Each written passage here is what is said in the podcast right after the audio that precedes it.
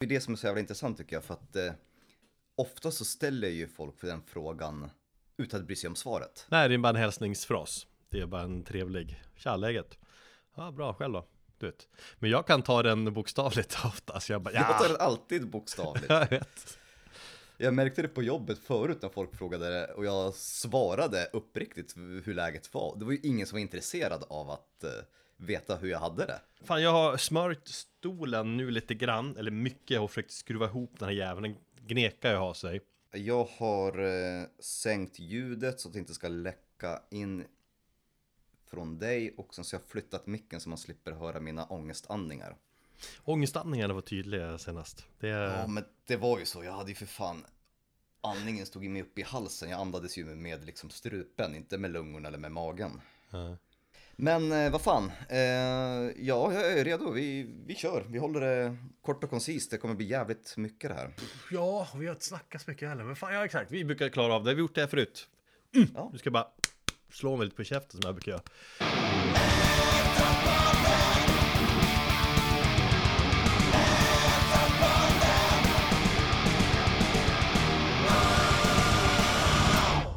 Hej och välkommen till Metalpodden avsnitt 142 Med mig Erik och med min eh, kollega Thomas Hej! Hallå där Erik. Och, och tack, för... senast! Ja, jag tänkte precis säga tack för, för eh, det behövliga samtalet och eh, hänget i fredags. Lunchen också. fint att få ses liksom fysiskt över en lunch och få klämma och känna på varandra lite grann. Mm. Kramas lite grann. Inte varje dag vi gör det. Och få prata om, om livet. Ja, vi skulle ta en lunch typ, men sen blev det några timmar. Men eh, det, det var ju väl välbehövligt får man ju säga. För oss bägge tror jag definitivt. Ja. Ja. Det var liksom roligt, jag kan sakna när vi bara satt där och snackade musik, lyssnade på lite musik och så bara Fan det här skulle vi fått göra oftare ja. Det blir svårare om du flyttar till Norrland. Ja Då får du komma och hälsa på där också Ja, absolut, jag tar flyget. Hur tror folk att jag ska flytta dit? Men ja, det finns inget konkret alls så Men vi, visst, funderingar, man funderar mycket i sådana här äh, Tider, vad man vill med livet Livet är kort Fan, ska jag bo i Stockholm hela mitt liv? Det vet jag inte Nej. Då jag har ju för inte bott där hela mitt liv Men jag har bott de senaste 13 åren Av mitt liv Och eh, det blir ju ännu kortare om du blir skjuten på en gata. Ja, mycket skjutningar. Det var kul att ses i fredags. Sen har vi eh, kontakt varje dag Också ju, i princip. Så jag vet ju att det är lite upp och ner för dig. Eh, Jag är dock nyfiken så här Om vi ska ta lite med statuskoll på, på dig och din hälsa. Var- Vart befinner du dig i ditt musiklyssnande? Du har ju bekräftat Eller berättat tidigare att du liksom Att du inte klarar av att lyssna på metal. Men det, du gör det ibland nu. Vad är din status nu? Vad har du liksom Vad lyssnar du på för musik och hur mycket och sådär? Eh, nej men det är betydligt bättre, eh, vilket är på något sätt väldigt eh, skönt och eh, vad ska jag säga, det är, ja men det känns skönt att jag, jag har, kan lyssna på musik i allt större utsträckning faktiskt. Mm. Eh, vi närmar oss här no, eh, oktober snart så att jag, då kliver jag in i min så här obligatoriska power metal månad. Jag lyssnade på lite power metal här innan vi, eh, vad heter det, satte igång avsnittet. Okej, jag, jag trodde jag aldrig liksom pratat om, om det förut. Eller vadå, har det alltid varit så? Power metal, oktober? Ja, men just i, på hösten, kring, kring eh, oktober när det börjar bli så här, men du vet den här riktiga höstkänslan kommer in. Ja. Det har lite grann med min barndom att göra när jag spelade rollspel och ehm, eh, lyssnade på power metal, Blind Guardian, eh, fan hette de, ja en massa olika band, liksom Hammerfall och sånt. Nostalgiskt. Just det är väldigt nostalgiskt. Ja, så det, det är ju förresten av, av de skälen. Och så spelade jag Baldur's Gate eller man spelade Drakar och Demoner med polarna liksom. Ja. Ehm, nej men utöver det så, så ja, jo då, men vad fan, jag börjar, jag börjar kunna lyssna på, på musik i allt större utsträckning och i eh, längre perioder för varje lyssning också. Så att jag har ju passat på här och fan, du en- lyssnar ju och tittar på eh, Metallica i alla fall, det gör mig glad.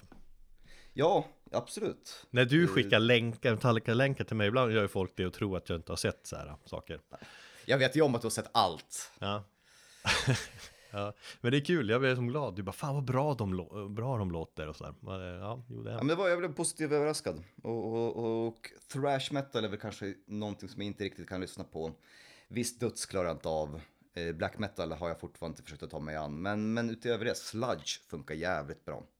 Sladd känns som den mörkaste stilen av det där du räknar upp. Ja, men, men musik som ändå är på något sätt malande, monoton och repetitiv. Jag säger Suma, Norna som jag har pratat om, eh, Neurosis funkar.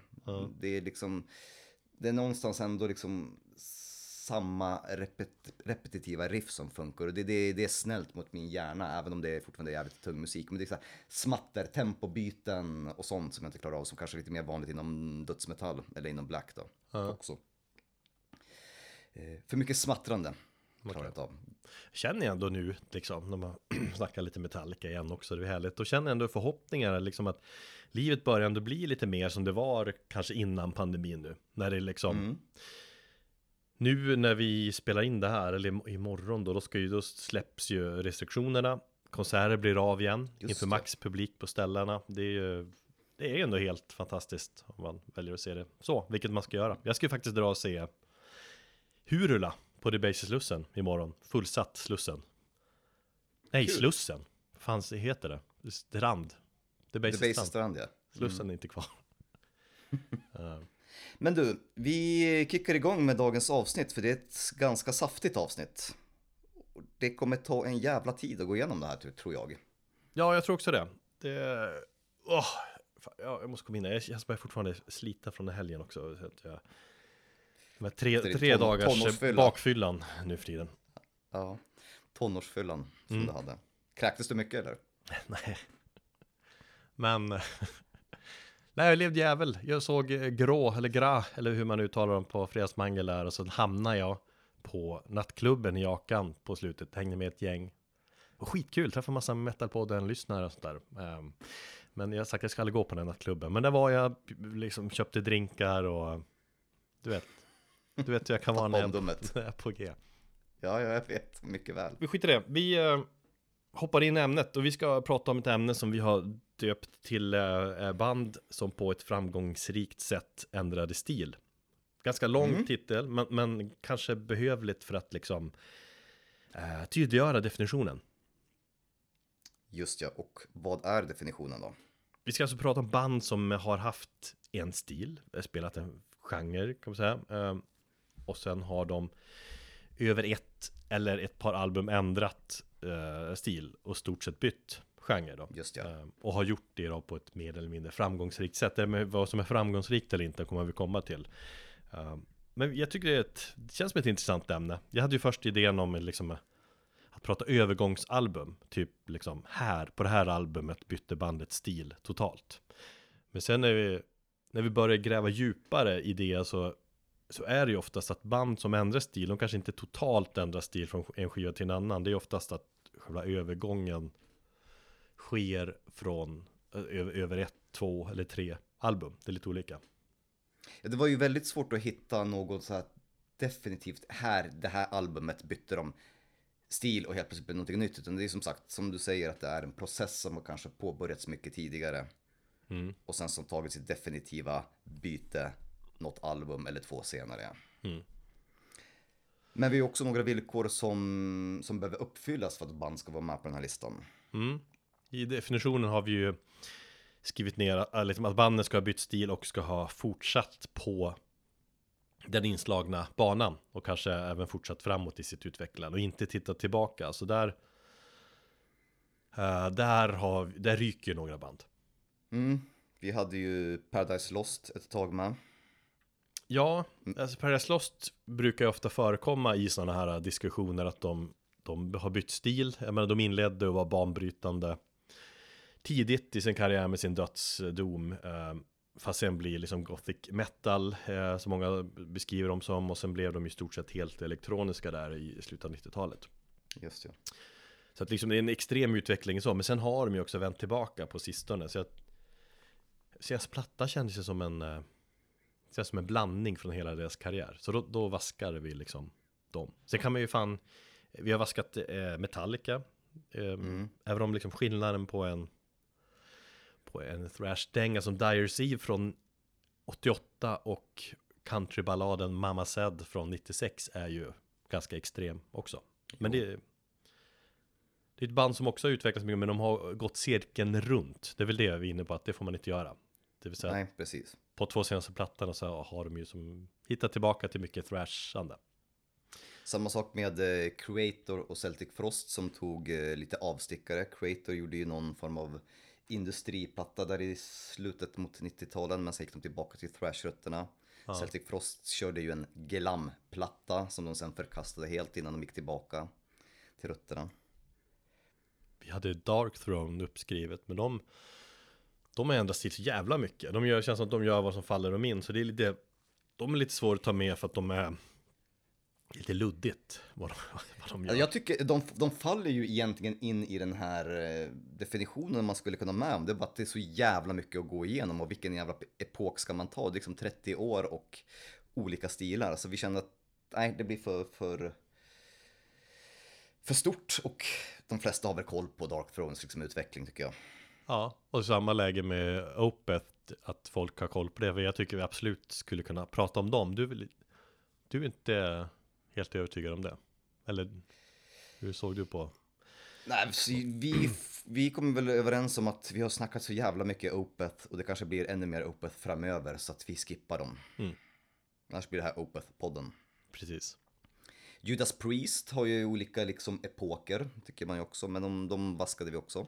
Ja, fast de har ju inte bytt. De har ju kanske förnyat sig, men de är ju heavy metal liksom. Jag, nej, de tycker inte alls hör hemma här. Nej, alright. Men vi har i alla fall, vi har fem band var som vi har eh, valt ut här. Ja, det blir ett jävla mastodontavsnitt där som vi ofta gör. Men det är, jag tycker det är ett kul avsnitt ändå. När vi väl har börjat så liksom kan vi inte... Det blir eh, den här säsongens favoritavsnitt där du sen summerar det i, i jul, tror jag. Jaså, du tror det? Ja, jag hade ju rätt förra gången om crossover thrashen. Ja, vi får se. Vi börjar i början va? Mm. Och det är jag då. Eh, vi kör eh, Battery helt enkelt.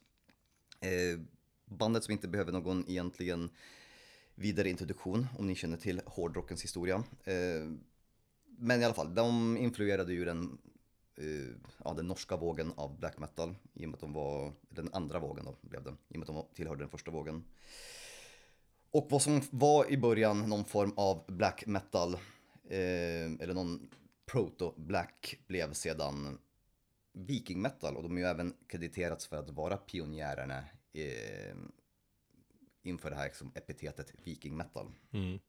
Eh, först bara black metal grejer. Jag tycker jag tycker det tidiga Battery känns som black metal, eller inte vad, vad det senare blev liksom. Eh, norska. Det känns Nej. som en, getplattan känns som en blandning av liksom Motorhead och thrash metal och rått som fan och Venom typ. Men det är inte så mycket liksom, om man jämför det med vad liksom den andra generationen, alltså black metal och norsk black metal är.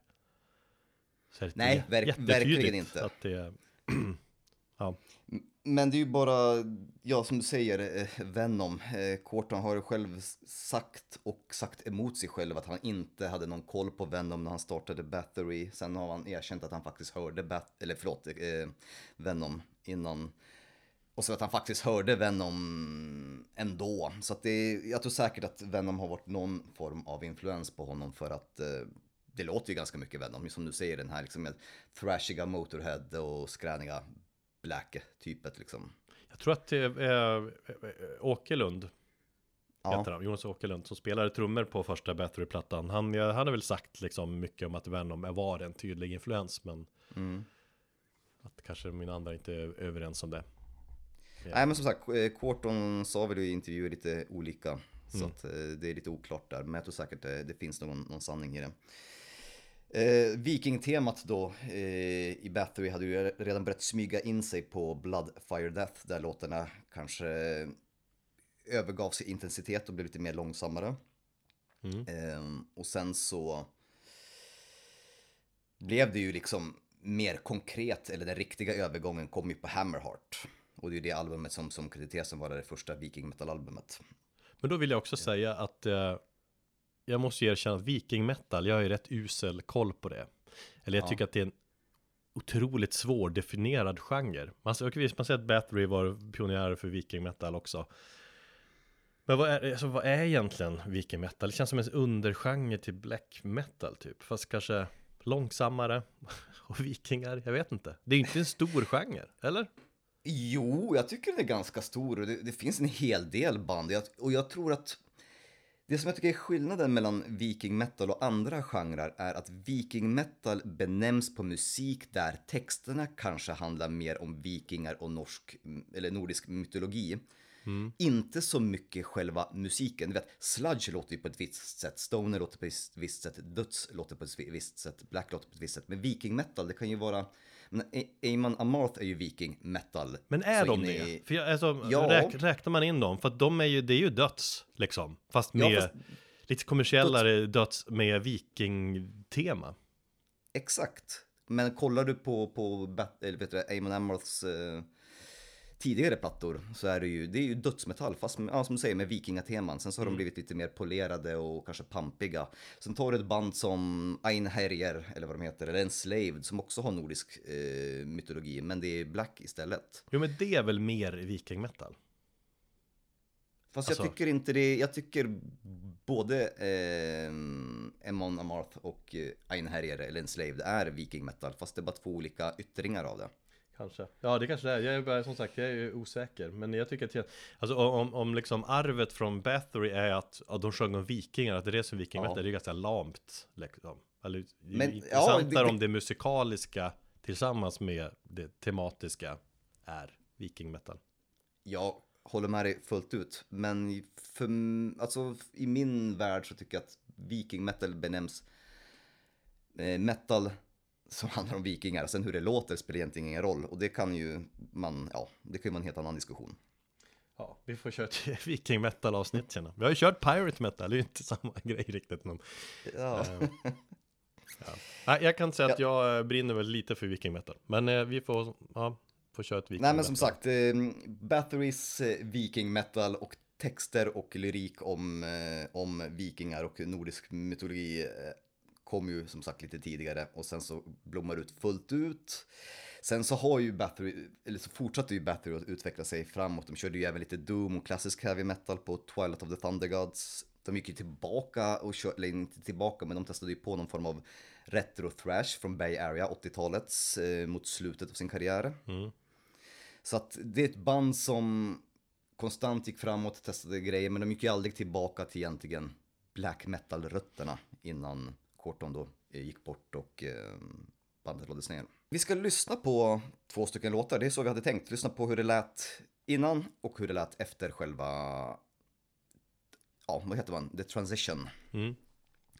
Eh, så att vi börjar med In Conspiracy with Satan från bandets självbetitlade debutalbum. Och sen så lyssnar vi på One Road to Asa Bay från Hammerheart som Känns som att den har typ inspirerat ett band som Watain. Jag tänker på låten They Rode On. Väldigt, väldigt inspirerad av Bathory.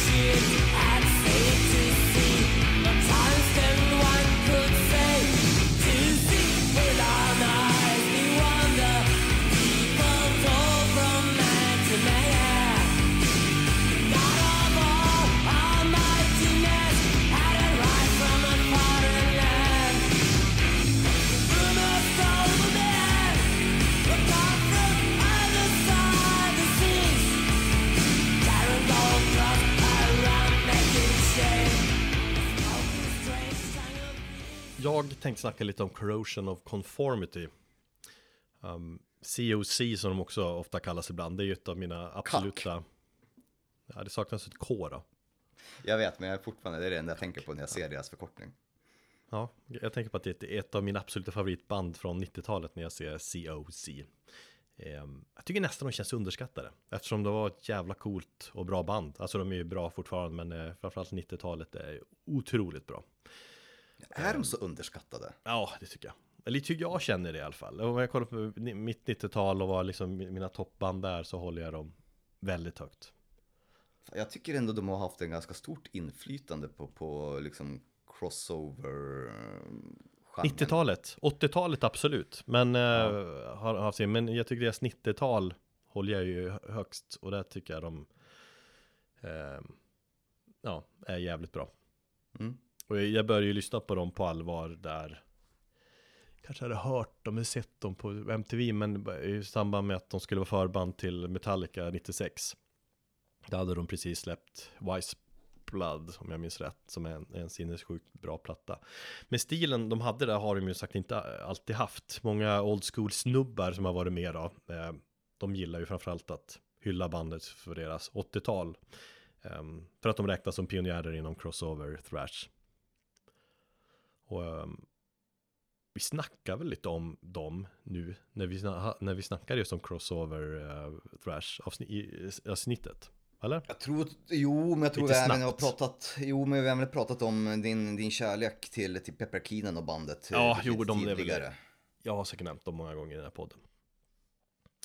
Um, men som sagt, de, de släppte första plattan 84 kom den. Så de, de har ju varit med ett tag. Um, men det var ju mer, kanske mer ungdomlig och energisk liksom hardcore punk. Uh, men plattan efter det, uh, Animosity, den är ju ett av de här första exemplen på crossover thrash. Det är snabbt, triffande, det är, liksom, det är mycket hardcore eh, punkkänsla också. Mm. Och så hann de ju släppa en EP där, Techno Crazy heter det va, som, som också var i crossover-skolan. Men så blev bandet lite vilande efter det. Eh, basisten och sångaren Mike Dean hoppar av. Han joinade ju sen några år senare igen på 90-talet. Men bandet fick några nya, några nya medlemmar där, bland annat Pepper Keenan som gitarrist. Mm, um, fick en ny basist, en ny sångare. Och där bytte de också stil. De ville liksom, de hade ju ett mål. De ville gå ifrån det här crossover-grejen grejen, och så hamnar de i någon form av eh, groove sludge eh, på skivan Blind som släpptes 91. Och det är väl liksom första plattan på den här, den här nya stilen som de sen utforskade vidare under 90-talet och in på 00-talet. Så det, det, är lite mer, lite sudden eh, rock, lite, lite stoner tycker jag. Um, sludge, groove, lite mer så här rakare metal också stundtals. Fast är det så rakt? Ja men ibland, alltså lite mer Eller rakt, men mer, mer klassisk metal då liksom Blind var ju liksom första, kanske på ett större skivbolag och det var ju som ändå ett genombrott med, de hade en musikvideo Um, då fick ju mer uppmärksamhet när de ändrade eh, stil. Och, jag, liksom, jag, och det, är, det är många som tycker, jag såg en kommentar bara att eh, fan när de blev det här sudden rock crap så har de, sen dess har de sugit. Så det, det får man ju också tycka. Men eh, nej, jag tycker inte det. är fel. Det. Men för att höra skillnaden så ska vi nu först lyssna på inledningsspåret Lost for Words från Crossover-plattan Animosity och sen eh, lyssnar vi på Vote with a Bullet från eh, plattan Blind.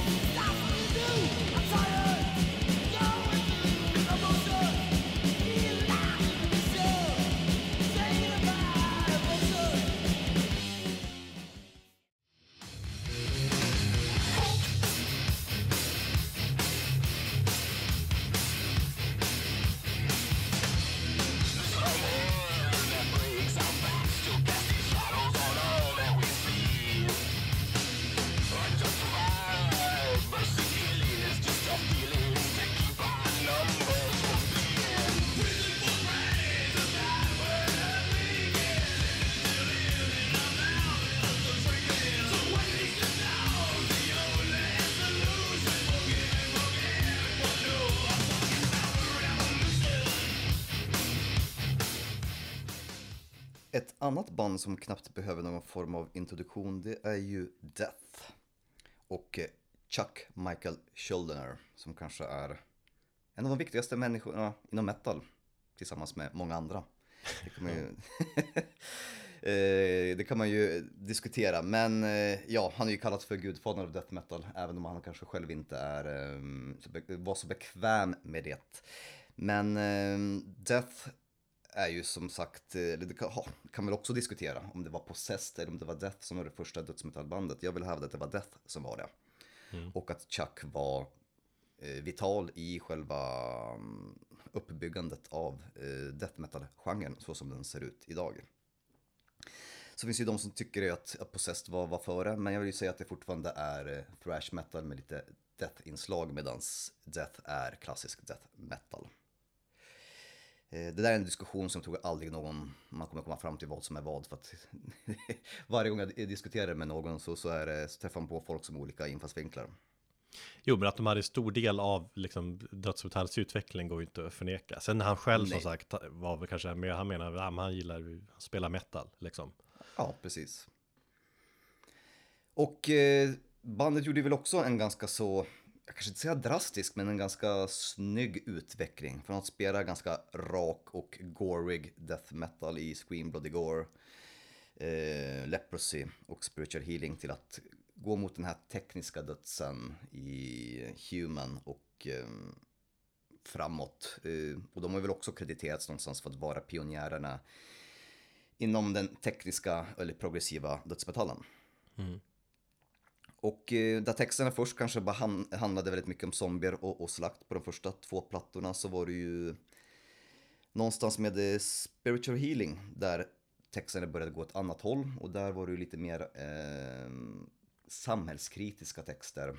Eh, och sen sedan gick det ännu mer framåt till att snacka om kanske lite mer, vad ska man säga, eh, existentiella frågor och eh, framtida frågor. Som man, som man eh, sjöng om tillsammans med den här progressiva touchen som bandet fick i, i sin musik. Och det var väl Human som var den här riktiga övergångsalbumet då, där eh, bandet breakade eh, ganska stort, gick ifrån sin gamla, gamla stil, även om det som sagt fanns lite, lite man kunde skönja det mycket tidigare. Och sen så fortsatte de ju framåt och gjorde mer, mer och mer progressiv dödsmetall. Mm. Och Human anses ju vara en milstolpe inom just den tekniska death metalen. Ja, men verkligen. Men det, det, är en cool utveckling på två, eh, på två sätt där. Dels är det ju coolt, alltså rent musikaliskt och imponerande att, de, att byta stil på det viset, att verkligen ta det till nästa nivå. Nu ska vi göra det här ännu mer komplext och, och tekniskt liksom och, och, progressivt. Men även liksom att gå ifrån det här gore-texterna som jag alltid tyckte var ganska liksom töntigt med döds. Att ja. bara som, de som gör den grejen idag, det är bara som en, en, liksom en man flörtar bara med, med tidig döds. Så det är liksom mer charmigt än att det är Alltså det är inte skrämmande på något sätt, utan det är bara, det äh, ska vara gore. Men, att han, men, men jag känner också att när man, när man tänker på det att för de, han var ju, de var ju jävligt ung och han var ju när han slog igenom och skrev de här tidiga Death-plattorna att han Jag menar, han blev väl vuxen och mognare som person och ja. Så att, att utvecklingen kom Ganska naturligt. naturligt så, ja exakt Jag vill göra det lite mer avancerat Så jag är nu är jag lite bättre på mitt instrument uh, Kan jag ta det ett steg längre och liksom det är inte så jävla kul och sjunga de här sakerna. Är väl vettigare och skriva texter om, om sånt som är på riktigt. Jo, men det känns ju som att Chuck var ju liksom ett, han var ju en talang redan från början och men han kanske inte riktigt hade verktygen eller kunskapen på de första plattorna. Nej. Det märks ju ganska tydligt sen eh, efter Spiritual Healing så jobbade han ju bara med, med sessionsmusiker. Han slutade ju turnera och, och, och, han hade ju en vision om hur han ville ta sitt band. Jag menar, till och med loggan ändrades ju. Han tog ju bort det här upp och ner vända korset i T och gjorde det lite mer som ett vanligt kors. Mm. Ehm, Har uh, lien där varit med hela tiden? Det som i... Ja, nu blev jag faktiskt lite osäker. Den är väl inte med på samma sätt? Nej, jag för mig dels T1 uh, Men jag för, för mig att han har gjort ändringar i loggan också för att göra lite för att den ska, ska hänga med liksom i, i förändringarna musikaliskt också Eh, så, mer så kan det vara. Men han hade i alla fall en tydlig vision om, om vad han ville göra med musiken och därför hade han ju också svårt att samarbeta med, med en hel del människor. Mm. Och därför körde han ju, gjorde han en Tobias Forge och tog in sessionsmusiker framöver. Och jag, ja som sagt, hans eh, bortgång var ju också tragiskt. Det hade ju varit jävligt intressant att se vart musiken hade varit idag, om man nu får leka med den tanken. Om Eller inte. Jag tror han hade sin tioårsperiod och lite mer. Ja, Kanske hade kanske blivit, kanske blivit patetiskt, inte gjort något bra och liksom så här. Det är bra att såna för att bli totala legendarer och dö tidigt. Vi lyssnar på eh, Baptized in Blood från Scream Bloody Gore och så jämför vi den med Lack of Comprehension från plattan Human.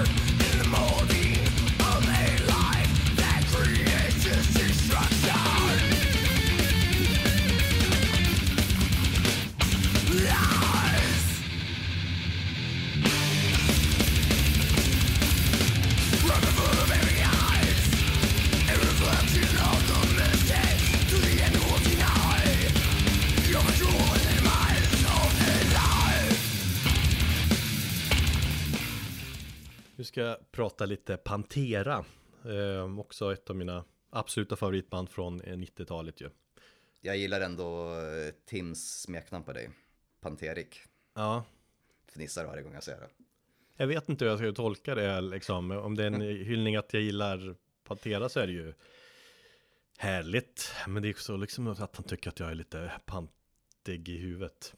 Jag tror det är både kärlek och diss. Ja, jag känner det också. Nej men om, om man frågar då liksom vilket album, eller vilka album som Pantera har släppt så tror jag att en väldigt stor majoritet, kanske så här 95% av Pantera-lyssnare, de räknar upp de fem album som släpptes mellan 1990 och år 2000. Jo. Om man säger, bara fan, kan du Pantera-diskografin då? Då är det de albumen som räknas upp. Ja men det- så tänker även jag. jag, jag ibland glömmer man bort deras 80-tal. Ja men verkligen. Det, alltså det är det som folk ser som Panteras diskografi och jag också till viss del. Eller jag är lite kluven till det där. Sen, alltså, många vet ju också om att bandet faktiskt även fanns på 80-talet. Men det är väldigt få väldigt få som ens har lyssnat på de plattorna. Men bandet bildades faktiskt 1981. Eh, samma år som Metallica. Liksom hade Pantera funnits idag hade de ändå firat 40 år som band. Eh, eh, i år och de hann släppa fyra plattor på 80-talet.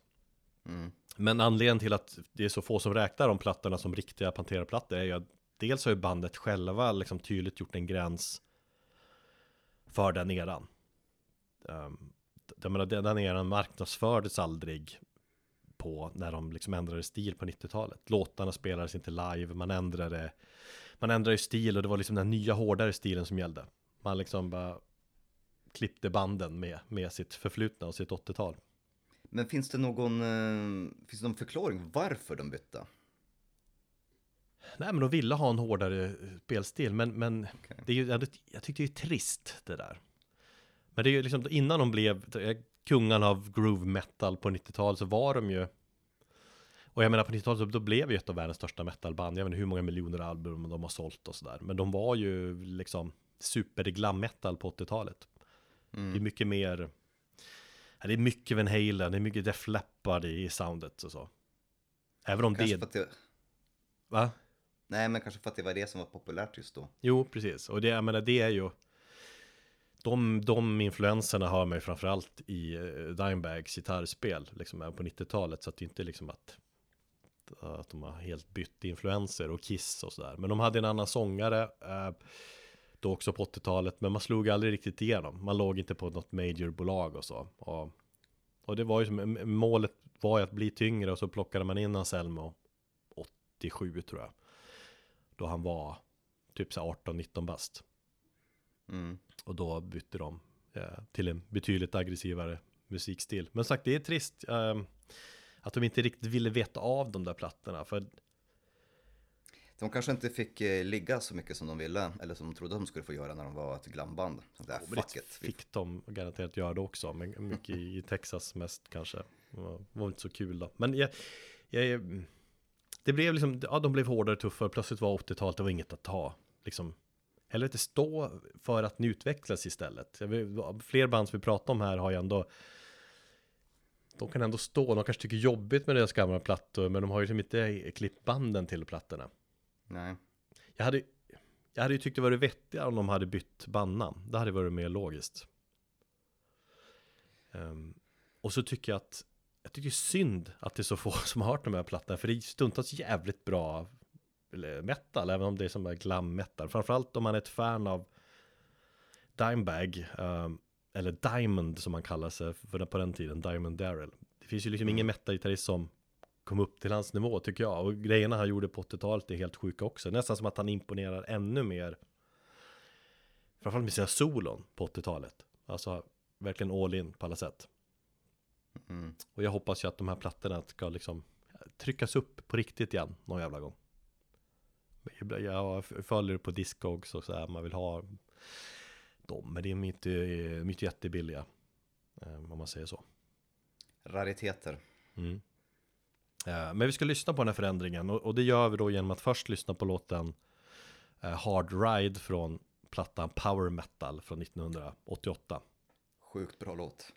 Ja, faktiskt. Eh, Och det är första plattan med Anselmo och här har ju liksom ändå förvandlingen börjat lite i tyngre tongångar. Och även om det Mm.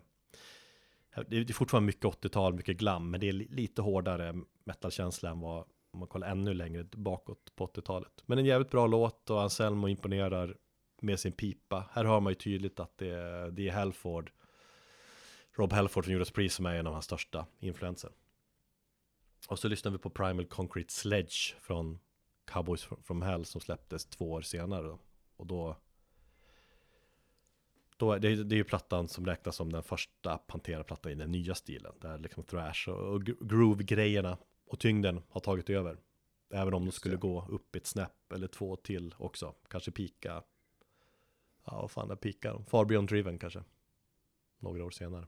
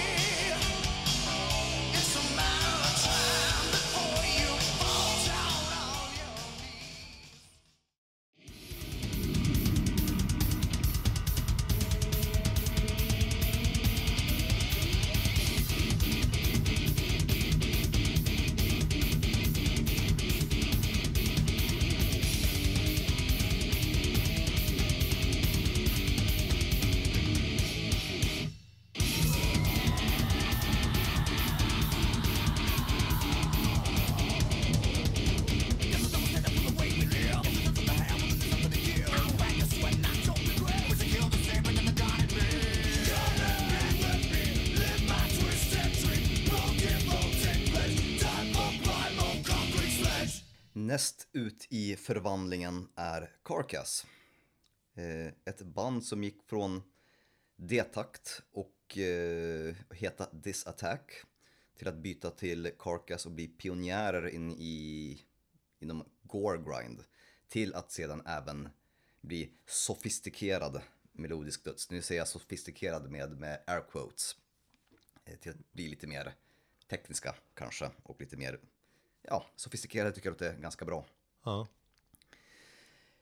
Jag har ganska dålig koll på bandets eh, gore grind-period. Jag tycker faktiskt inte den är så här speciellt... Den är ganska trist tycker jag. Alltså det är så, jag känner så här, det är, för det första, alltså de var ju tidiga med den, eller att de var liksom pionjärer med den, men gore grind, va, va, jag, jag är inte säker på definitionen där. Alltså vad skiljer grindcore och gore grind? Eh, ja men grindcore är ju mer, kan ju vara liksom politiska texter. Gore grind är ju ganska uteslutande eh, texter om, om slafs och eh, fan vet jag, eh, ja, Ja. könsdelar som är sönderslamsade och, och sånt liksom. Mm. Men är det bara texttema, även liksom sångmässigt, man lyssnar på tidiga, de här tidiga Carcass-plattorna Den här låga sången, de har väl pitchat ner den och så, är inte det också en grej med Gore Grind? Eh, ja, det kanske inte är så super, eh, super nedpitchat, utan det är bara liksom, det är ju ganska simpla låtar, men det är låtar som, som sträcker sig från 30 sekunder till två minuter. Om man nu ska jämföra med eh, Carcass senare eh, låtar, eller senare plattor, även fan senaste plattan som släpptes här för två veckor sedan, så, så har vi låtar som går upp emot 7, 8, 9 minuter. Och är betydligt mer tek- eh, tekniska. Men det första var väldigt simpel, det var ju någon form av bara, och sen så var det ganska mycket lågmäld growl, kläfsande som jag brukar kalla det. Men de lämnade lite grann den eh, stilen redan på Symphonies of Sickness och då började väl de mer att de ändrade låtstrukturerna som gick från att vara väldigt snabba, korta, punkiga grindcore-dängor till lite mer ja, vers och refräng och lite mer dödsmetallstruktur på låtarna. Men den radikala förändringen kom ju då med, med Heartwork, där de bytte till den här melodiska stilen. Det var ju där jag upptäckte bandet, för att jag har som sagt, jag har ju en stor svaghet för, melodisk dödsmetall. Och mitt eh, under tidigt 90-tal och mitten av 90-talet. Eh, ja, som sen så gick till och blev Swansong som blev bandets svanesång. Och sen så blev det ju eh, en lång paus innan bandet återvände med Surgical Steel 2000, vad fan kom den? 2013 som var någon form av, de behöll mycket av det här melodiska men jag tyckte att eh, de hade någon form av återgång till, till, till lite slafsigt även om det var kanske gjort med lite mer, eh, ska, kirurgisk precision. Fy fan vad Ja, lite mer med stil, alltså det är den här flörten Precis, med stil. ob- obduktioner och sånt där. Fast det är liksom Det är inte lika grafiskt, man måste ju nästan nämna omslaget på deras första plattan Alltså Gore Grind-plattan, Reek of Putrefaction. För att Ja, det, omslaget består ju av ett hopklipp, ett collage av eh, obduktionsbilder. Det, det är nasty. men, ja, men det är, det är effektfullt som fan. Jag, jag, den har ju blivit, blivit det var det då i förbjuden. alla fall. Jo, men det är det väl nu också. Det är inte, alltså det, de har ju, om du kollar på Spotify, är det ju inte det omslaget till exempel. Och de har ju släppt ett alternativet med cleant omslag. Jag tror också plattan efter det är väl samma story. Så att, jag menar, de var ju ett band som ville provocera mm. eh, med sånt. Obduktionssnusk. Om man nu går igång på det. Men det... Och så tycker jag den skivan, den låter ju skit. Alltså den låter det- så jävla uselt om man ska snacka produktion. Och det var väl något som gick fel där. Eller att, de liksom, att någonting gick fel hela processen. Men alltså den är ju... Ja, Fan vad den låter dåligt. Ja, jag, jag minns inte historien nu, men det, det var någonting att det var, de skulle spela in den, sen så, någon dök upp, någon i bandet eller om det var mixer eller producent som dök upp bakfull och så sa han att vi, vi kör ändå och så blev det skit och de hade inte pengar för de hade bränt allting redan på det. Men det var ju Mm. Ja, unga, unga oerfarna musiker som ja, ville ju mer, mer eller mindre provocera. Jo. Men som, som du säger, på, på Surgical Steel så blev det liksom, det var ju någonstans också någon form av grind, eller gore grind där, men det var ju som sagt, det är ju mycket mer med stil. Tackar vet jag porno grind. Men sen tänker jag tänka på en platta som eh, Torn Arteries som kom här nu för två veckor sedan, som jag ändå fan blev ganska positivt överraskad över. Mm, jag lyssnar faktiskt eh, lite grann på det nu. Där har du väldigt mycket tekniskt, och där har du liksom progressiv, eh, progressiva låtstrukturer och, och, och det känns som en, liksom, en naturlig fortsättning från där egentligen Heartwork och kanske Swansong slutade. Framförallt låter ju, eh, om man just pratar hardwork också, man lyssnar på den nu, att fan vad den låter. Om, om deras första platta låter total skit så låter det här så jävla snygg produktion fortfarande. Tycker jag, alltså älskar liksom produktionen Ja, på den. Jävligt Och clean produktion. jag älskar också omslaget som HR Giger har gjort. Fantastiskt. Är det han som har gjort det? Ja, Åh fan, det visste jag det inte. har jag ju koll på. Alien-tönt som jag är så. Men eh, nej, den är värd att investera i bara för att få det snygga med skivomslaget. Nej, men jag, som sagt, jag har ju alltid varit svag för, för eh, Carcass melodiska um, era och det är jag även idag. Och för att eh, ja, påvisa skillnaden i den här själva transformationen så ska vi just lyssna på en låt från Reek of Putrefaction och det är låten Frenzied Detoncation och jämföra den med ett melodiskt stycke som titelspåret från just Heartwork.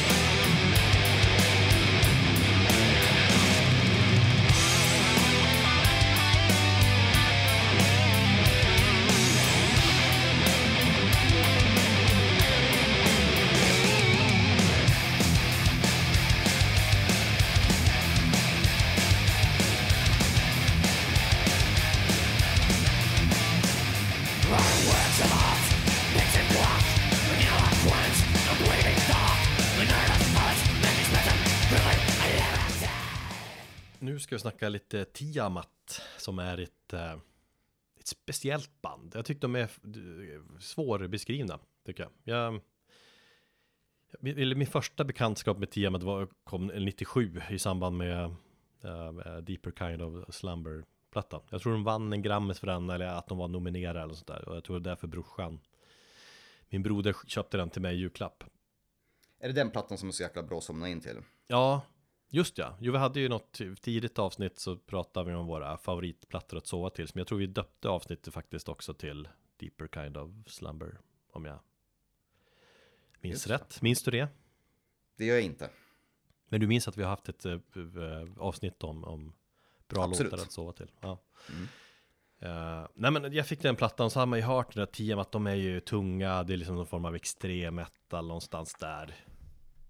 Typ. Men uh, jag vet inte om att de lirar metal i alla fall. Men den här skivan, det var ju någonting annat. Och fortfarande känns det som en helt unik platta. Någon form av experimentell atmosfärisk grej, typ. Jag vet inte. Mm. Och så har jag hängt med temat mer eller mindre sen dess. Så jag har alltid gillat när de har släppt nytt. Och och så har jag alltid, när jag gått tillbaka till deras tidigare plattor så är det, man, man, man blir förvånad hur de, hur, hur de lät i början. För det är verkligen en annan grej. Nu kan jag ju inte temats historia säga jättebra, det finns ju andra som gör. Jag vet ju att vår vän Alex eh, Stjernfeldt är ett enormt temat-fan.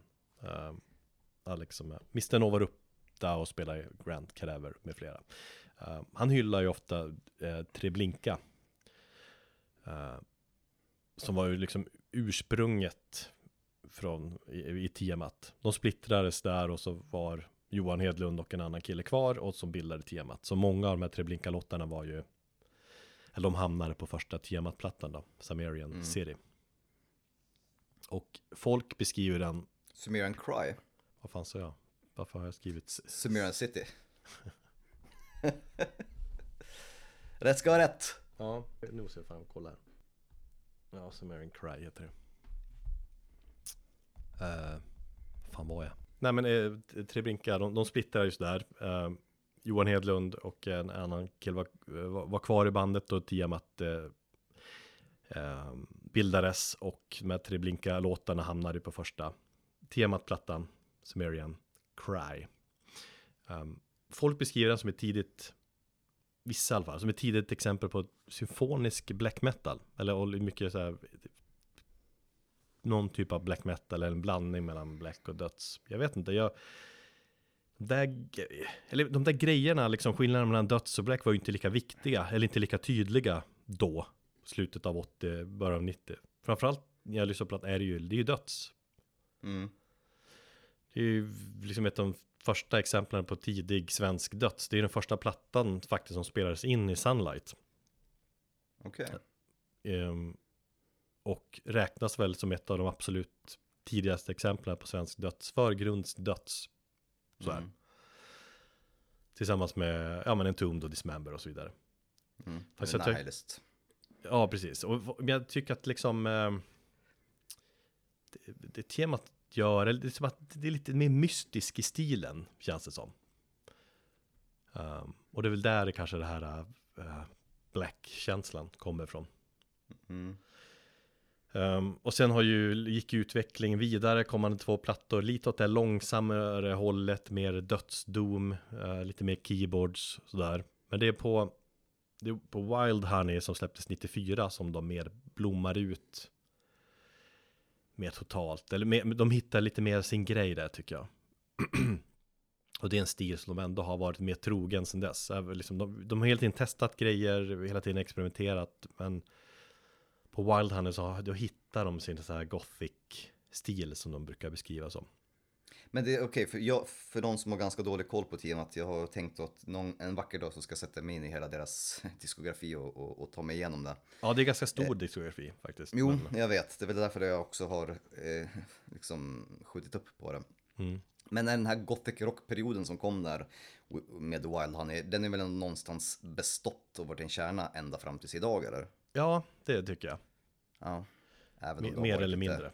Men och liksom Wild Honey, det, det, det är väldigt tydlig förändring i stilen. Eh, det är mer lite mer så progressivare med psykedelisk stil. Uh, mycket mm. mindre döds, även om han, han sjunger både rent och så har han ju uh, ja, någon growl sång också som han sen släppte. mm. Men just det här typiska Tiamat med de här kontrasterna mellan ljusare och tyngre partier. Um, svår beskriven platta. Den är så jävla bred musikalisk, men just den är drömsk, känns knarkig. Hans texter känns jävligt knarkiga när jag läser dem. Um, mycket vackra partier ska jag säga. Att det också mm. kännetecknar temat. Och det känns så om man kollar liksom vad som fanns 94 så känns det här som en jävligt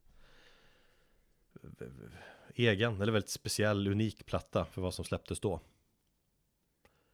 um, cool liksom albumtänk, det är låtar som glider in i varandra. Det är så svårt att veta, vad fan är det, en ny låt nu? Nej, det är väl samma, ja, nu blev det en ny. Liksom det, fast det görs på ett naturligt, udda sätt. Ja, men det, det är en fantastisk platta att uppleva. Och så gör de så här estetiskt att de bytte stil, det var, det var loggan som var mer dödsig, klassiskt dödsig, förut är det mer stilren eh, logga nu. Eh, det är en annan typ av omslag, blommor och grejer. Mm. Så det är tydligt att Wild då, gör, då blev temat någonting annat. Så vi ska lyssna och jämföra lite grann. Vi lyssnar först på hur de lät från början, första plattan. Eh, som också är ett av de absolut första exempel på, exempel på svensk döds. Eh, the Shrines of the Kingly Dead från plattan Samarian Cry från 1990 och sen lyssnar vi på Whatever That Hurts från Wild Honey från 94. Sumerian in the City 1990.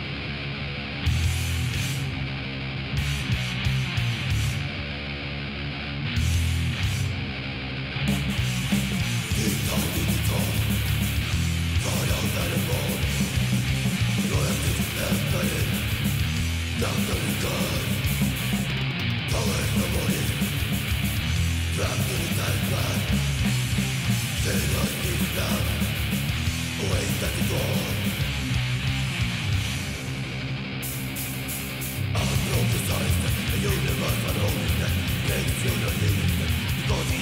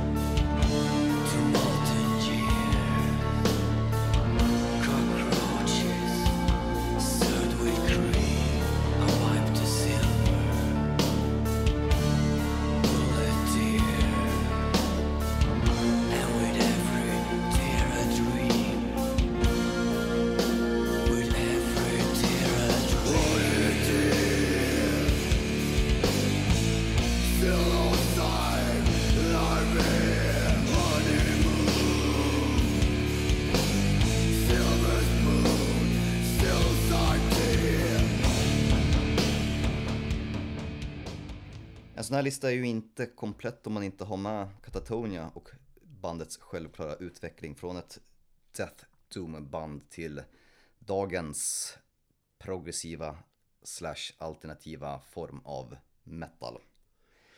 Katatonia är ju ett band som vi har ju pratat om tusen gånger i podden också som är med Opeth-argumentet så kanske Kanske vi inte ska prata Katatonia, Katatonia men vi gillar ju dem så mycket så att det är ja. hör liksom till att vi måste göra det ändå. Plus att vi har pratat, pratat väldigt mycket om Katatonia idag och hur, hur, hur vår relation till Katatonia, inte så mycket om kanske deras tidigare tid. Nej, det är sant. Som jag också egentligen, jag kan uppskatta den, men som jag egentligen inte lyssnat på speciellt aktivt. Och jag upptäckte ju inte bandet förrän när de väl hade den, gått över den här perioden, eller den här dödsdom-eran och hamnat i den alternativa follan, eller vad man mm. kan kalla det. Men Katatonia började ju då som en, eh, egentligen en, ett studieprojekt och gjort av Jonas och Anders. Eh, de var en duo och de hade någon förkärlek till death metal och därför de startade bandet. På sätt och vis är det ju eh, så det ser ut idag också för det är de två som är liksom, som skriver musiken och texterna. Ja, precis, det, det stämmer. Och då efter två stycken album i den här Death Doom-stilen så pajade Jonas eh, sina eh, stämband. Samtidigt som, han, som bandet även kände att de kanske inte riktigt ville vara liksom fast i den där lilla follan eh, utan utveckla sig framåt. Ehm, så att han var ju mer eller mindre nödgad till att ändra sångstil. Och det, då bytte de ju där på egentligen EPn eh, Saw You Drown då, som var liksom en försmak av vad som kommer komma på fullängdaren efteråt, eh, Discourage Ones. Som jag tycker är en väldigt speciell platta, också en väldigt höstig platta, apropå höst och sånt där. Och någonting som jag har, en skiva som jag ändå har ganska um, nära till och, och, som jag gärna lyssnar på i, i, i såna här deppiga höstperioder. Mm. För det finns någonting, det finns någonting simpelt i den musiken. Eh, samtidigt som det är ganska skönt att höra liksom, Jonas första trevade steg som, som var att sjunga rent. Och sen hur man jämför det, hur det låter idag och vilken fantastisk sångare han är. Ja, för det, det tycker jag är väldigt intressant att jämföra verkligen när han började sjunga rent så och jämföra idag hur han, hur han har, hur hans sång har utvecklats så mycket. Mm. Och blivit bättre och bättre. Jag, jag har ju också funderat mycket på det här att han tvingades sluta liksom growla på grund av stämbanden att Alltså det gjorde ju att de hittade sin grej. Alltså på, även om det är Precis. trist att hans stämband inte funkar så var det ju ändå en gåva på något vis för bandets eh, kommande storhet. Definitivt. De hade ju en eh, platta däremellan, eh, Brave Murder Day, med Mikael Åkerfeldt på sång. Då han hoppade in och hjälpte bandet när Jonas stämband var så pass trasiga att han inte kunde göra någonting. Mm. Men efter Discouraged Ones så, så tycker jag att Eh, Katatonias utveckling har gått stadigt framåt. De har inte speciellt mycket eh, att blicka tillbaka på utan det är, ja, nej men blicken är konstant riktat framåt och jag tycker att för varje skiva som kommer, kanske inte lika mycket nu på deras typ 10-12, där det låter, där skillnaden mellan plattorna kanske inte är lika stor som den var under 90-talet och början av 2000-talet. Ja, det går väl att diskutera. Men jag tycker de alltid är jävligt intressanta. Jag tyckte ju senaste plattan, om jag minns rätt så hade jag ju det som fjolårets bästa platta till exempel. ja. Uh, men jag ser också mycket likheter med, med Tiamat som också var liksom tonåringar och tyckte det här med döds, det är det senaste. Det är Ja. det tuffaste just nu. Vi börjar att spela det.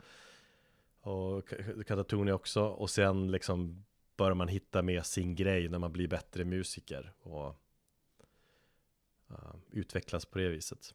Mm.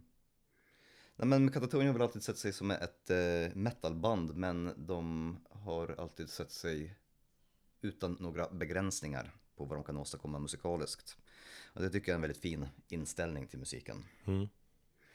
Och som sagt, det finns någonting otroligt fint i, i den här, liksom, någon form av naiva och de här första trevande försöken i en platta som Discourage Ones, eh, Last Fair Deal Gone Down, till att sen bli någonting mer kanske eget i med Viva Emptiness, ja, och sen då min absoluta favoritplatta, eh, The Great Cold Distance. Mm. Så, men ja, det lät även bra på Dance of December Souls där de var mer Death Doom. Så vi ska lyssna på låten Gateways of Bereavement från den plattan och jämföra den med låten Dead House från Discouraged Ones.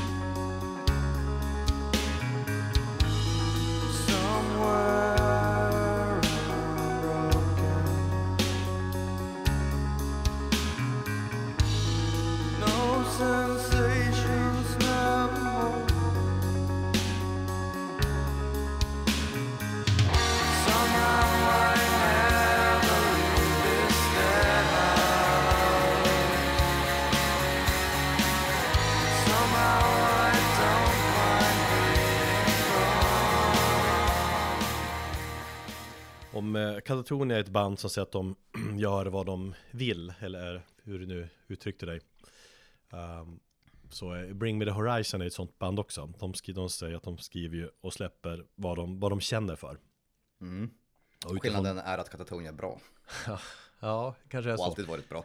Eh, absolut. Bring Me The Horizon är ju, utifrån den vinkeln tycker jag det är ett otroligt intressant band. Mm. Deras musikaliska utveckling är fascinerande. Jag, jag lyssnade liksom inte på dem från början när de var med och startade Deathcore, eller räknas som ett av de pionjärbanden i Deathcore-genren i alla fall. Jag lyssnade lite grann på deras andra platta minns jag. Mm. Uh, där de tjej på omslaget. Um, då börjar de gå mer åt lite mer metalcore och mindre deathcore. Okej. Um, Mm.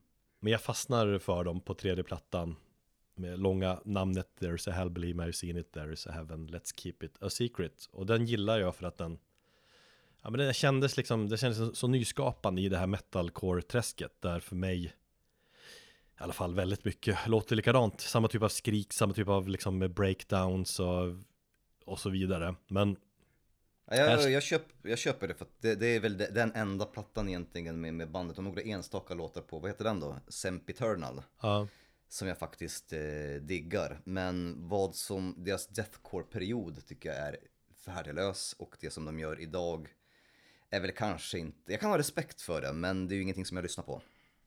Ja, det är väl typ exakt min inställning till dem också. Eh, Just det här med respekten man har. Eller någonting, jag vet inte.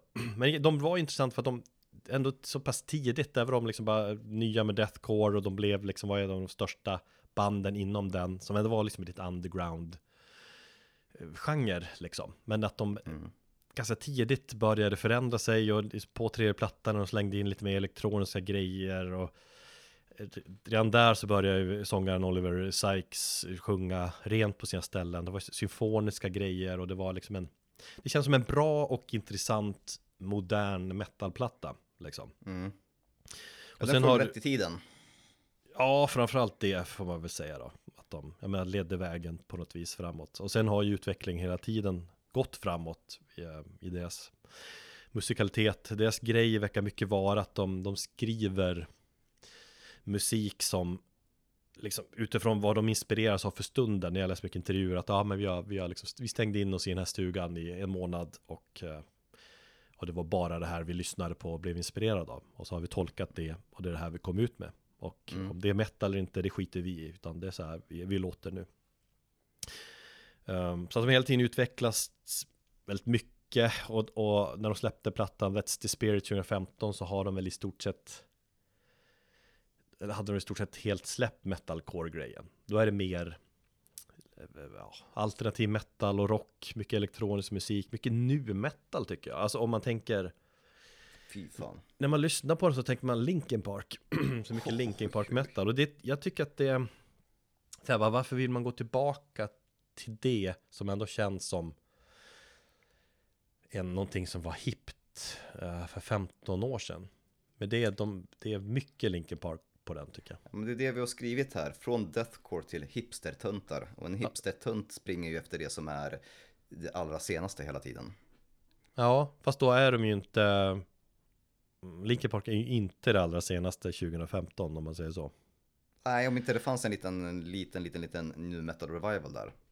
Men nej, det eh, Nej, det, det gjorde det väl inte Eller kanske, ja jag vet inte Men jag vet, du, du skrev till Från Deathcore till hipstertöntar eh, Jag förstår hur du tänker och du, Men jag håller ändå inte riktigt med ändå jag är bara elak. Som sagt, jag, jag har ju ändå respekt för att de bara gör sin grej och skiter i allt annat. Men, men musikaliskt, nej fy fan. Ja.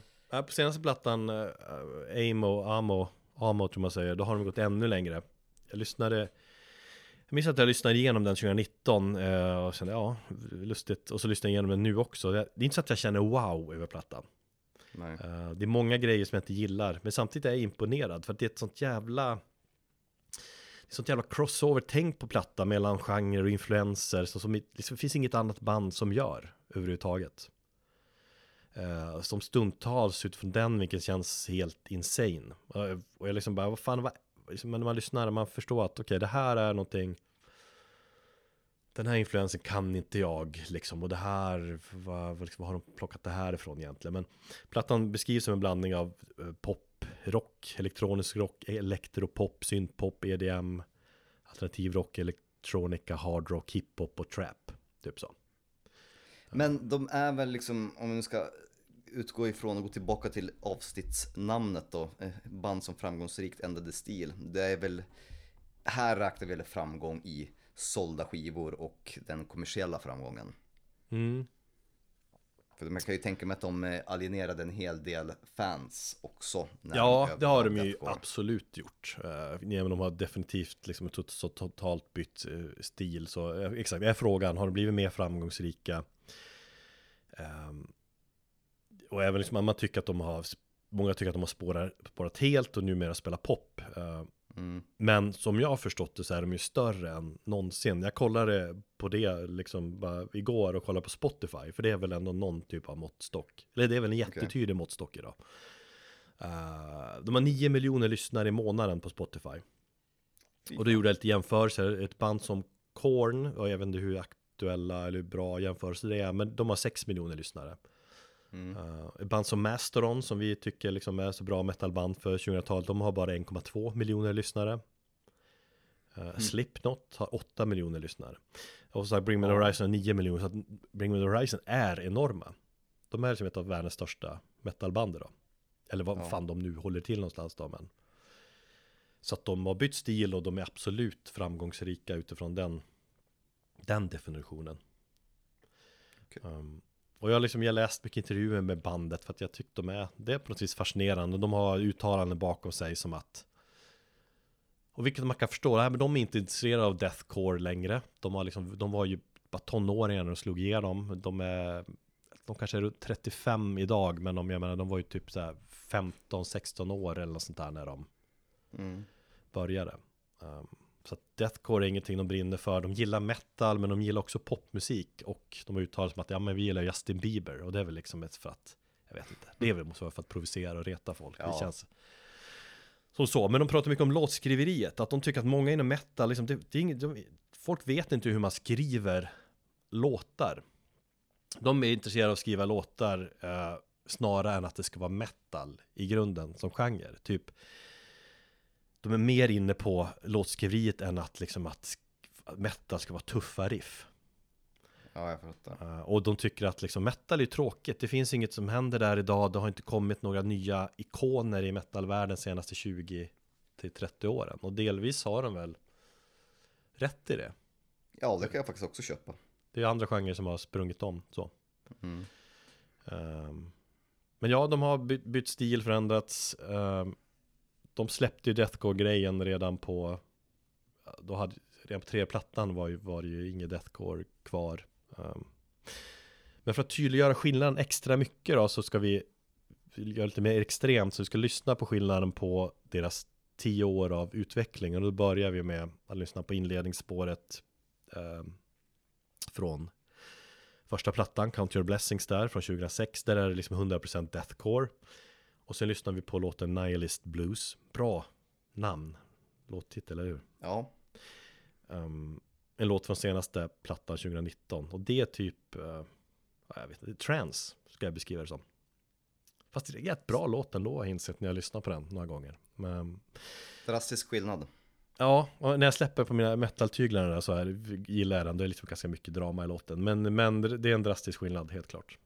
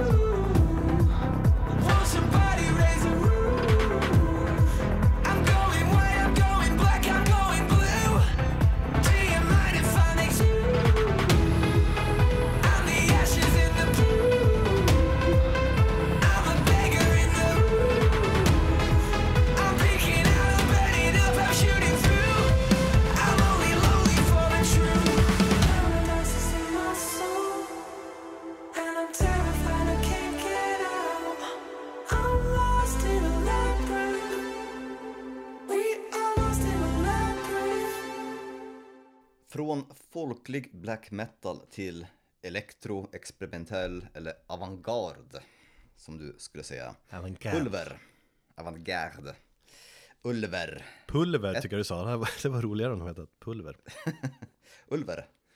Eh, ja, och det är väl ett band som också genomgått en väldigt drastisk förändring och för att liksom också tydliggöra bandets egna synsätt på det här. Jag tänkte om vi ska ta och göra lite jämförelse med, med, med eh, Pantera som aldrig liksom nämner sitt 80-tal och har liksom låtit det någonstans falla i glömska så finns det ju band som kan på något sätt eh, se tillbaka på sitt förflutna och en viss stil eller någonting de gjorde och liksom säga att det där tillhör den perioden. Vi är inte där nu, men vi, vi respekterar den. Det var en bra period för oss. Och Ulver är ett sånt band. Det är ju exakt så man ska liksom ta det. Det är som så töntigt att liksom bara, nej men vi, det där, vi vill inte Ja, men minnas det där också- överhuvudtaget. Ja, men som exempel kan man ju ta Tom G. Warrior och hur han har genom åren tittat på eh, Cold Lake-plattan som Celtic Frost gjorde. Eh, totalt förkastat den och liksom vill aldrig ens, ens prata om den till att ha eh, på något sätt kunnat stå för den och säga ja, men jag var ungdomlig och, och, och så här, jag kan se att det fanns ett visst behov av att göra den plattan till att förkasta den igen till att helt plötsligt nu på äldre dagar säga att ah, vad fan, liksom, han har ju gått fram och tillbaka. Så jag tycker inte man ska kanske skämmas så mycket för, för, för sina gamla grejer. Nej. Men Ulver var ju som sagt ett folkligt black metal-band, men de stod ju alltid utanför den norska scenen. Och det fanns ju redan i, i tidigt, egentligen på tror jag, andra plattan, fanns det ju redan influenser av, av avantgarde och, och, och goth och, och lite jazz och sånt. Men Så är det, tyck- är det på det sättet de stod, när du säger att de stod utanför, att de, att de var inte liksom tillräckligt eh, true, helt enkelt? De var inte tillräckligt true och det tycker jag man hör egentligen på, på om du lyssnar på bandets black metal-trilogi då, de tre första plattorna så hör du ju att det är ju black metal men det är ju inte den här typiska norska black metal-soundet eh, som de gör utan det, det var någonting eget. Eh, Och de har väl alltid själva sett sig som utanför den här follan av eh, andra vågens black metal. Mm. Eh, Bandet själva säger så här om, sitt eget, om sin egen utveckling. Ulver is obviously not a black metal band and does not wish to be stigmatized as such. We acknowledge the relationship the relation of part 1, 2 of the trilogy, Beritat och Nattens madrigal to this culture, but stress that these endeavors were written as stepping stones rather than conclusions. We are proud of our former instincts, but wish to liken our, our association with said genre to that of the snake with Eve, an incentive to further frolic only. If this discourages you in any way, please have the courtesy to refrain from voicing superficial remarks regarding our music and or person, persona. We are as own, eh, we are as unknown to you as we always were. Det är ungefär vad de har sagt om sin eh, black metal-period.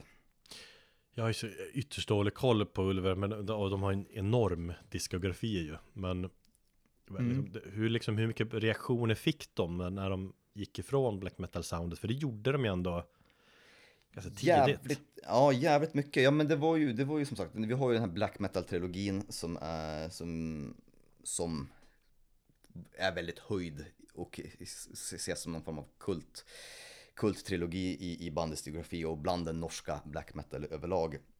Eh, och det var ju egentligen på fjärde plattan, eh, Themes from William Blakes The Marriage of Heaven and Hell, där de helt plötsligt övergav eh, black metal. Eh, den plattan fick jävligt bra recensioner eh, i pressen. Vilket år var det? Den kom, oh, eh, nu är jag lite osäker, men den kom 97, 98 kanske, Ja. någonstans där. Eh, lite osäker på, på året. Eh, men de fick ju, de blev ju på någonstans, någonstans så blev de ju väldigt så här, kritikernas gunstlingar med den plattan. Men fansen rasade och eh, skivbolaget Century Media droppade dem. För de tyckte att det här är inte okej. Och det fick ju bandet att starta sin egen, eh, sitt eget skivbolag, eller han Kristoffer eh, Garm Rygg då, eh, startade sitt skivbolag Jester Records. Och anledningen till att de bytte stil är för att eh, han då, eh, Garm, eh, sångaren och frontmannen, han fick ju större kunskap. Han var alltid intresserad av datorer och han fick en ganska så här stor kunskap och började lära sig och, och, och lekte väldigt mycket mer med elektroniska grejer och, och, och samplingar på datorer och tyckte att det här är någonting som vi vill liksom inkorpor- inkorporera i vår musik. Så därför de valde helt enkelt att lämna black metal-stuket och, och, och, och testa sig framåt på ganska så okända terränger. Mm. Och jag menar, följer man bandets sena 90-tal och, och en stor del in på 2000-talet så, så hör man ju att det är jätte, det är ju liksom trevande försök att göra någonting nytt och jag tycker att det är, lyckas väldigt mycket på, på många av plattorna. Något som jag funderar mycket på nu med, med Ulver, det är ju alltså, om- man kollar på senaste plattan, The Flowers of Evil som Mm. släpptes förra året, den blev utsedd i, men bland annat Metal Hammer som förra årets, en av förra årets bästa plattor. Mm. Podcasten Metalpodden listar den här plattan väldigt högt upp på grund av dig. Och det Ja. där är intressant, alltså musiken är ju inte metal. Det är ju inte, de är ju inte metal. Eh, Nej, det är ju synt eller art, art rock beskrivs det som. Typ. Men det är ju inte metal. Men vi pratar ju ofta om att, att metal är så brett. Så att det kan vara mycket känslan i musiken också. Uh, temat, texter, liksom, eh, så att det kan vara metal. Men jag försöker komma fram till är att den skivan hade ju liksom inte kommit med på Metal Hams lista om, om bandet inte tidigare har spelat metal. Och du kanske Exakt. inte heller hade liksom vetat vilka det var om inte du om de inte hade haft den bakgrunden som de har. precis, det håller jag med om. Och det tänker jag också på ett band som eh, Bring Me The Horizon som också är med i, i metal-tidningar. Men, men de är ju långt ifrån metal idag. Men det är bara Ja. för att de har, har någon form av Ja, fast de, är, haft en de, ja, fast de spelar ju, väldigt- de headliner för men då kör de ju liksom, då är de ju, alltså live är de ju metal mycket. Okej, ja. Det är ju inte så att de har släppt allt, utan de kör ju liksom, de kan ju köra gammal deathcore-dänga live Mm. och så. Så att det blir ganska brett eh, musikaliskt eh, live. Men det är inte så att, jag, menar, jag, jag tror, inte- tror inte Ulver spelar gammal, gamla black metal Nej, dängor förvisso live inte. till exempel. Nej, det gör de ju inte. Eh, men jag tänker också att det är väldigt mycket kanske att de någon, någon, någon gång haft en fot i black metal eller i metal, metal-träsket och därför så kommer tidningar prata om dem. Mm. Och så här så, så känns det ju definitivt att Ulver tas med just på grund av att de har någonstans en, en ändå en viktig del i, i, i utvecklingen av det norska black metal-soundet även om det var vid sidan av. Jo, men du är ju ändå en jävla syntare egentligen. Fast du bara, Ja, ja, det är ju därför jag klippte en syntfrissa här nu också. Mm. Ehm, nej, men ja, som sagt, jag, jag kan inte... Can't stress enough hur mycket jag älskar Ulvers eh, musik kring 2000-talet. Och då tänker jag just på, på plattorna efter den här eh, Themes från William Blakes The Marriage of Heaven and Hell. Då tänker vi på Perdition City, eh, Blood, Blood Inside Out, fan vad det nu hette. Ehm, ja, eh, Shadow of the Sun som vi har pratat om där man gjorde en, en, en cover på, på eh, Black Sabbath som jag tycker är bättre än originalet. Soundtracket till filmen Lykantropen och Svidneger är helt fantastiska liksom experimentella eh, syntindustristycken och soundtrack. Så den borde ju du gilla, du som gillade soundtrack till Dune och, och rekommenderade mig det. Mm. Så det borde du definitivt lyssna på. Jag gillar ju Eh, allt som Zimmer, Hans Zimmer släpper i soundtrack Ja. Men för att lyssna, eller för att tydliggöra skillnaden mellan Ulvers första epok och andra epok så ska vi lyssna på Bergtatt in fjällkamrene från skivan Bergtatt och jämföra den med det första elektroplattan då, eh, Themes from Wi- William Blakes The Marriage of Heaven and Hell och lyssna på låten A Memorable Fancy, Plates 67.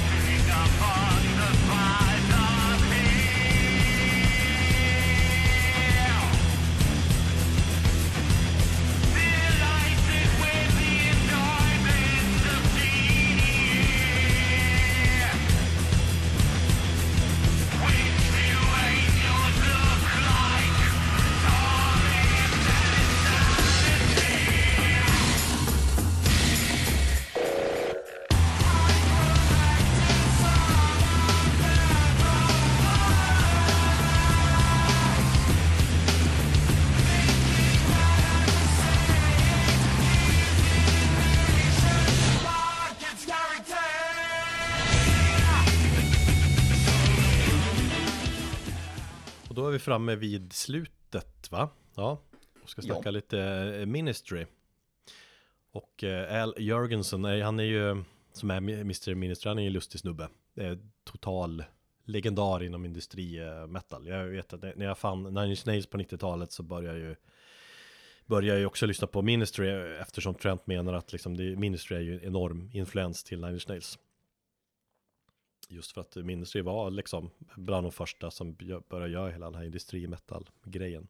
Men Ministry och hur de lät i början var ju verkligen inte metal. Det var mer eh, syntpop eh, beskrivs det väl som. Mer som Ja. tidig liksom Depeche Mode.